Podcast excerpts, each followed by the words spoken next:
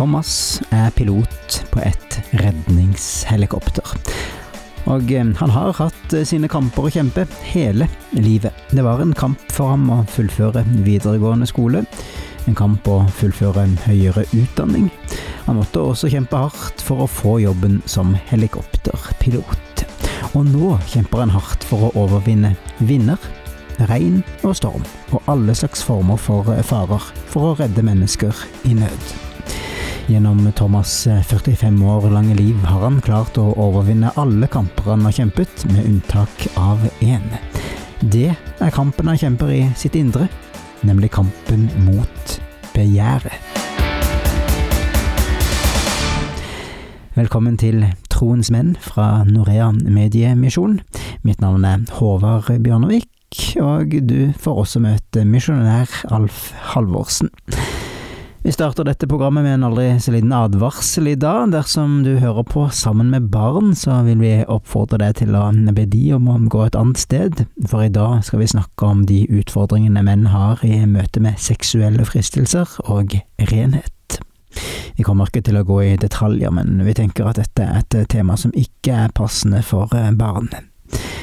Når vi nå fortsetter vår programserie om hvordan menn skal utrustes til å bli stridsmenn for Gud, nemlig virkelig troens menn, så skal vi i dag snakke om en av de største svakhetene for menn, nemlig begjæret.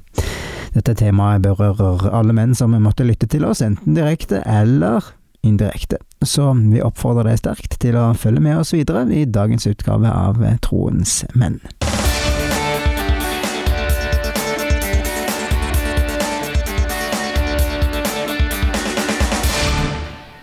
Alf, eh, denne kampen som Thomas kjemper mot det seksuelle begjæret, det er antagelig en skjult plage hos eh, mange kristne menn? Ja, jeg er enig i det. Uh, Istedenfor Thomas så skulle det stått David. For uh, kristne menn møter jo denne første varianten av historien om Thomas Eh, når de leser historien om David i Det gamle testamentet. En mann som jo kjempet seg opp fra å være gjeter til å bli konge.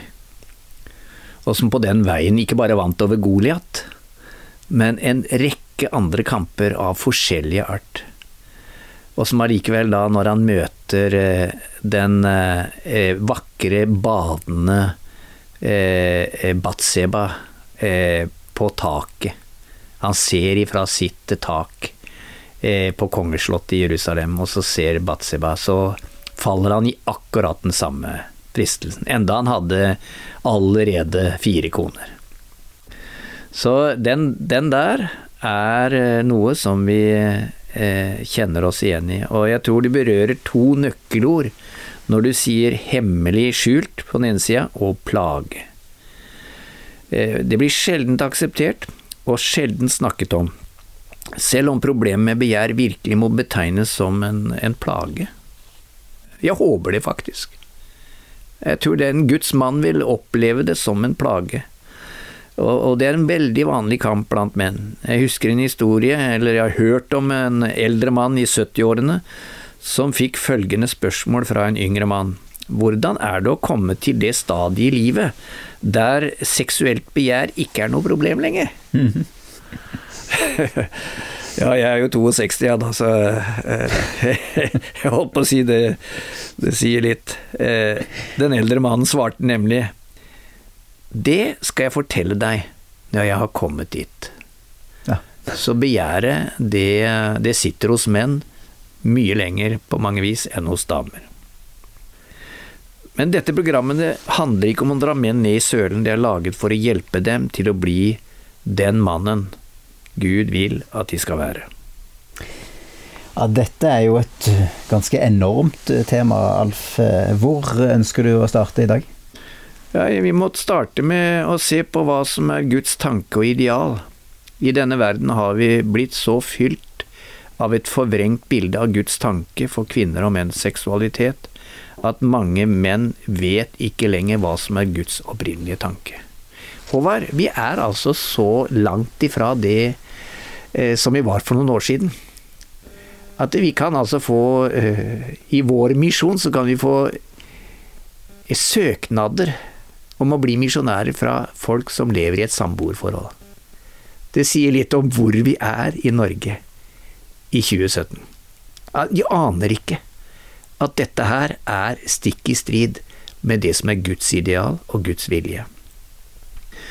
Og ja, det, det, sies at eh, FBI, Kripos, Økokrim og, og andre i bransjen trener sine tjenestemenn i å oppdage falske sedler. Når de gjør det, de bruker nesten all sin tid på å studere ekte sedler.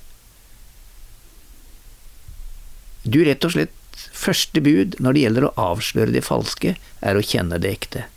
Og vite hvordan det er. På den måten vil de straks oppdage falske sedler når disse dukker opp. Det virker jo i hvert fall ganske logisk. Ja, det gjør det. Og det samme gjelder faktisk når det gjelder seksuell renhet. Så jeg ønsker å begynne samtalen vår i dag med å dele en historie med deg som lytter. Og denne historien handler om et par, og den illustrerer hva som er Guds tanke med seksualitet. Adam og Bev.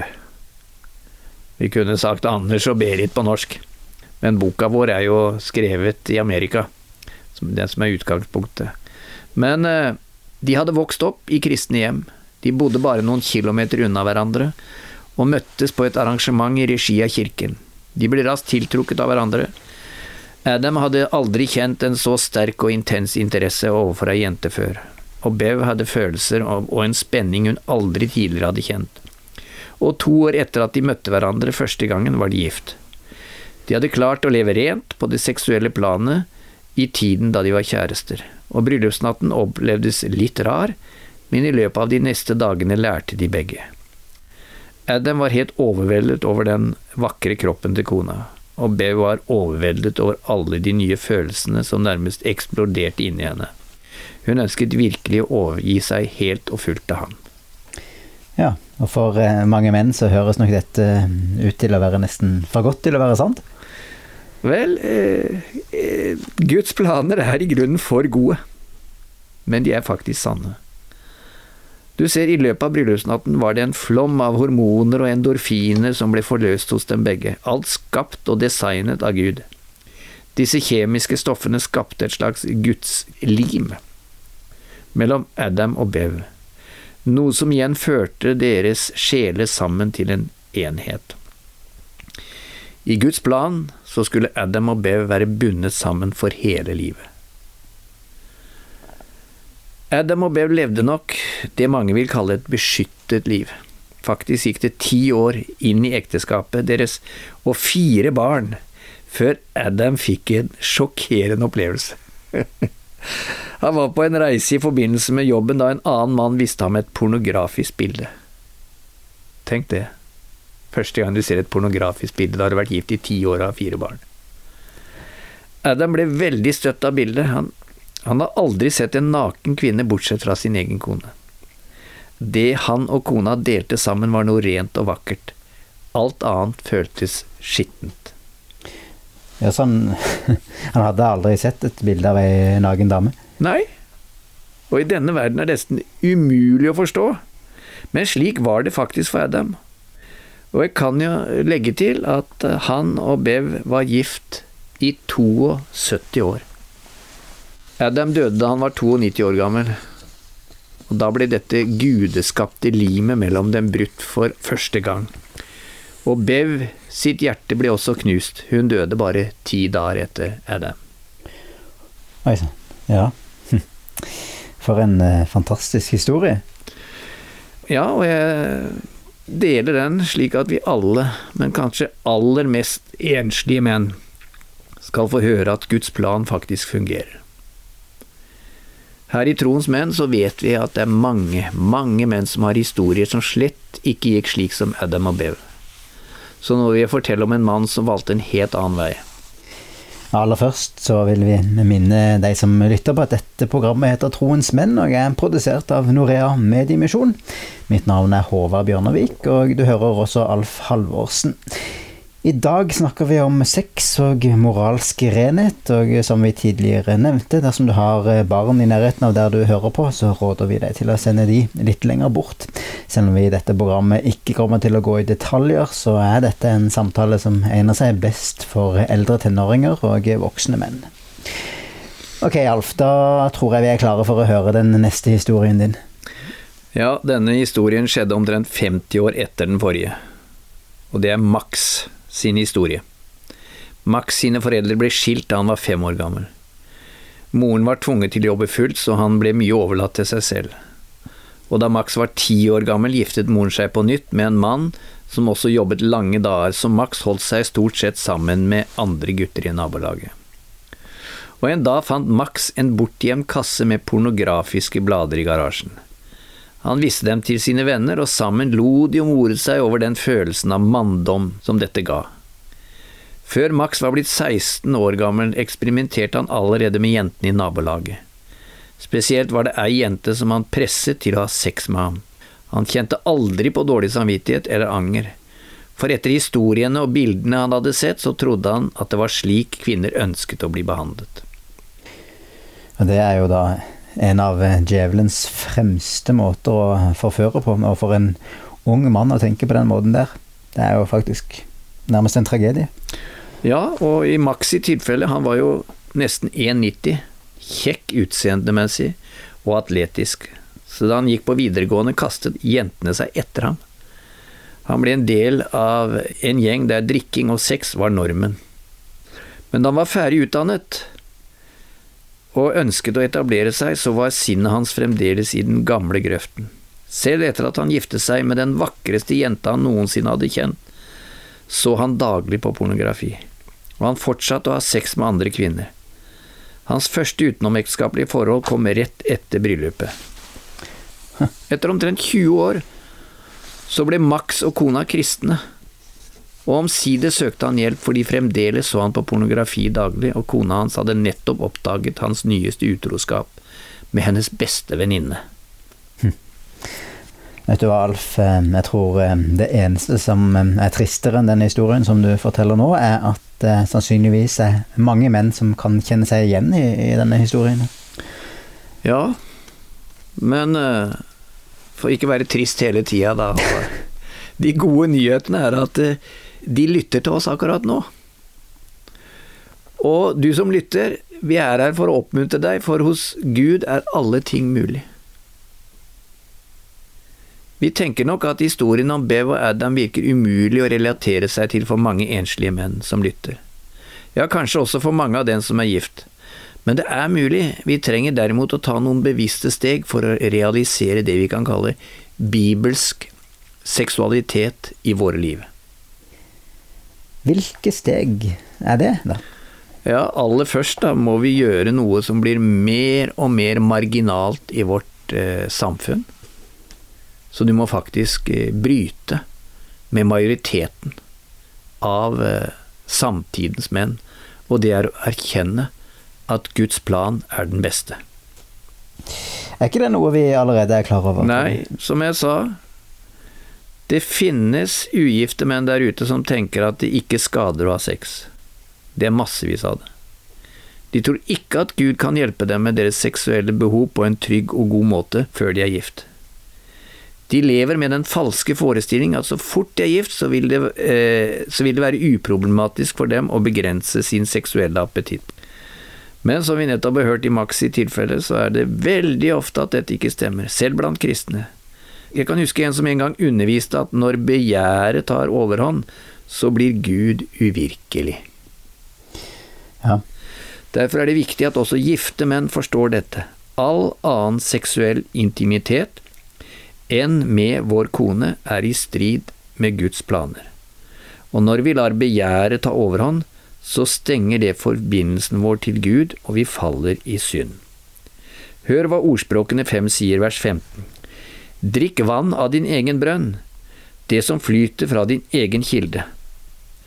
Skulle dine kilder renne ut som rennende vann på torget? Drikk vann av din egen brønn. Så fortsetter vers 17. Nei, de skal tilhøre deg alene, og ikke deles med fremmede.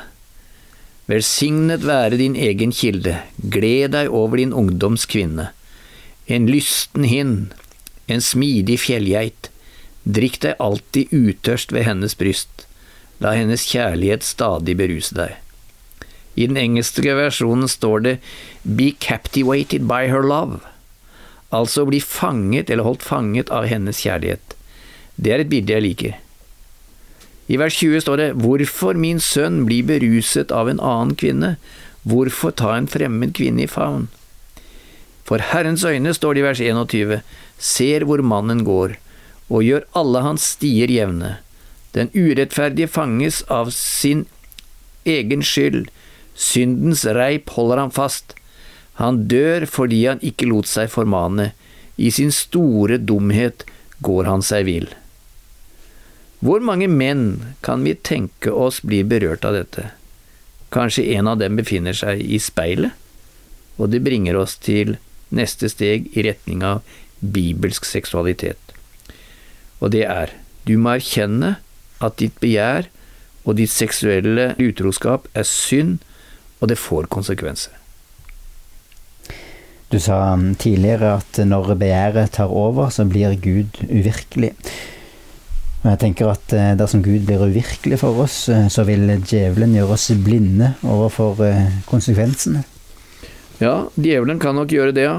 Men Bibelen gjør det definitivt ikke. Vi leste nettopp i ordspråkene han dør fordi han ikke lot seg formane. I sin store dumhet går han seg vill. I den engelske versjonen står det at han dør av mangel på selvkontroll. Og i Malakias 2,14 står det dere sier hvorfor? Fordi Herren er vitne i saken mellom deg og din ungdomskvinne, som du er utro mot, din ektefelle, din paktskvinne. Gud ser svært alvorlig på begjær, og dersom du virkelig ønsker å være en troens mann, eller en Guds mann, slik Gud vet at du kan være, da må den seksuelle umoralen ta slutt. Altså må vi erkjenne at Guds plan er den beste, og at det kan få alvorlige konsekvenser dersom vi ikke følger denne planen. Hva mer, da? Ja, vi må angre og bekjenne våre seksuelle synder. Det betyr at vi må vende om og slutte. Slutte å se på kvinner på datamaskiner eller i blader. Ha sex med kjæresten eller begå utroskap. Slutt med det. Det er ikke vanlig å si det. Og men eh, det er en tydelig konsekvens av det som Guds ord sier. Og neste Oppsøk hjelp for å sette en stopper for det. Snakk med en kristen leder, forplikt deg overfor noen, sjekk ut hvilke kristne organisasjoner som kan tilby hjelp, og du kan sjekke ut nettsiden troensmenn.no. Og som vi vender tilbake hele tida, ha din daglige tid med Gud, og lær deg utenat bibelvers som berører temaet seksuell renhet, slik som for eksempel Rombrevet 6, 12-14. La altså ikke synden herske i den dødelige kroppen deres, så dere følger kroppens lyster. Og still ikke lemmene deres til tjeneste for synden, som våpen for urett. Still dere selv og lemmene deres til tjeneste for Gud, som våpen for det som er rett. For dere var døde, men er blitt levende. Synden skal ikke herske over dere, for dere står ikke under loven, men under nåden. Du som hører på, det kan nok høres vanskelig ut, og det innrømmer jeg sjøl også, det er vanskelig. Men hvis du tar disse stegene, så, så kan du lykkes. Gjør det for Herrens skyld. Gjør det for din kones skyld. Gjør det for å hindre at dine synder skal forplante seg videre til de neste generasjoner gjennom dine sønner. Gjør det for din egen skyld. Takk skal du ha, Alf, eh, for denne viktige oppfordringen.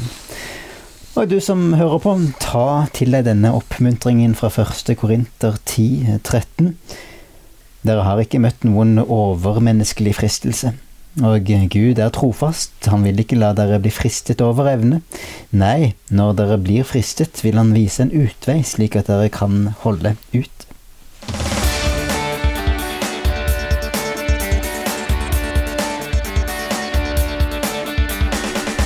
Takk for at du har lyttet til Troens menn, der menn blir utrustet og styrket til å fylle sitt gudgitte potensial.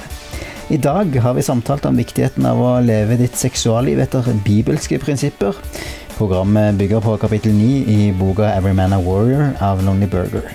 Hans bok har mye om akkurat dette temaet her, og du kan lese mer om boka på våre nettsider troensmenn.no.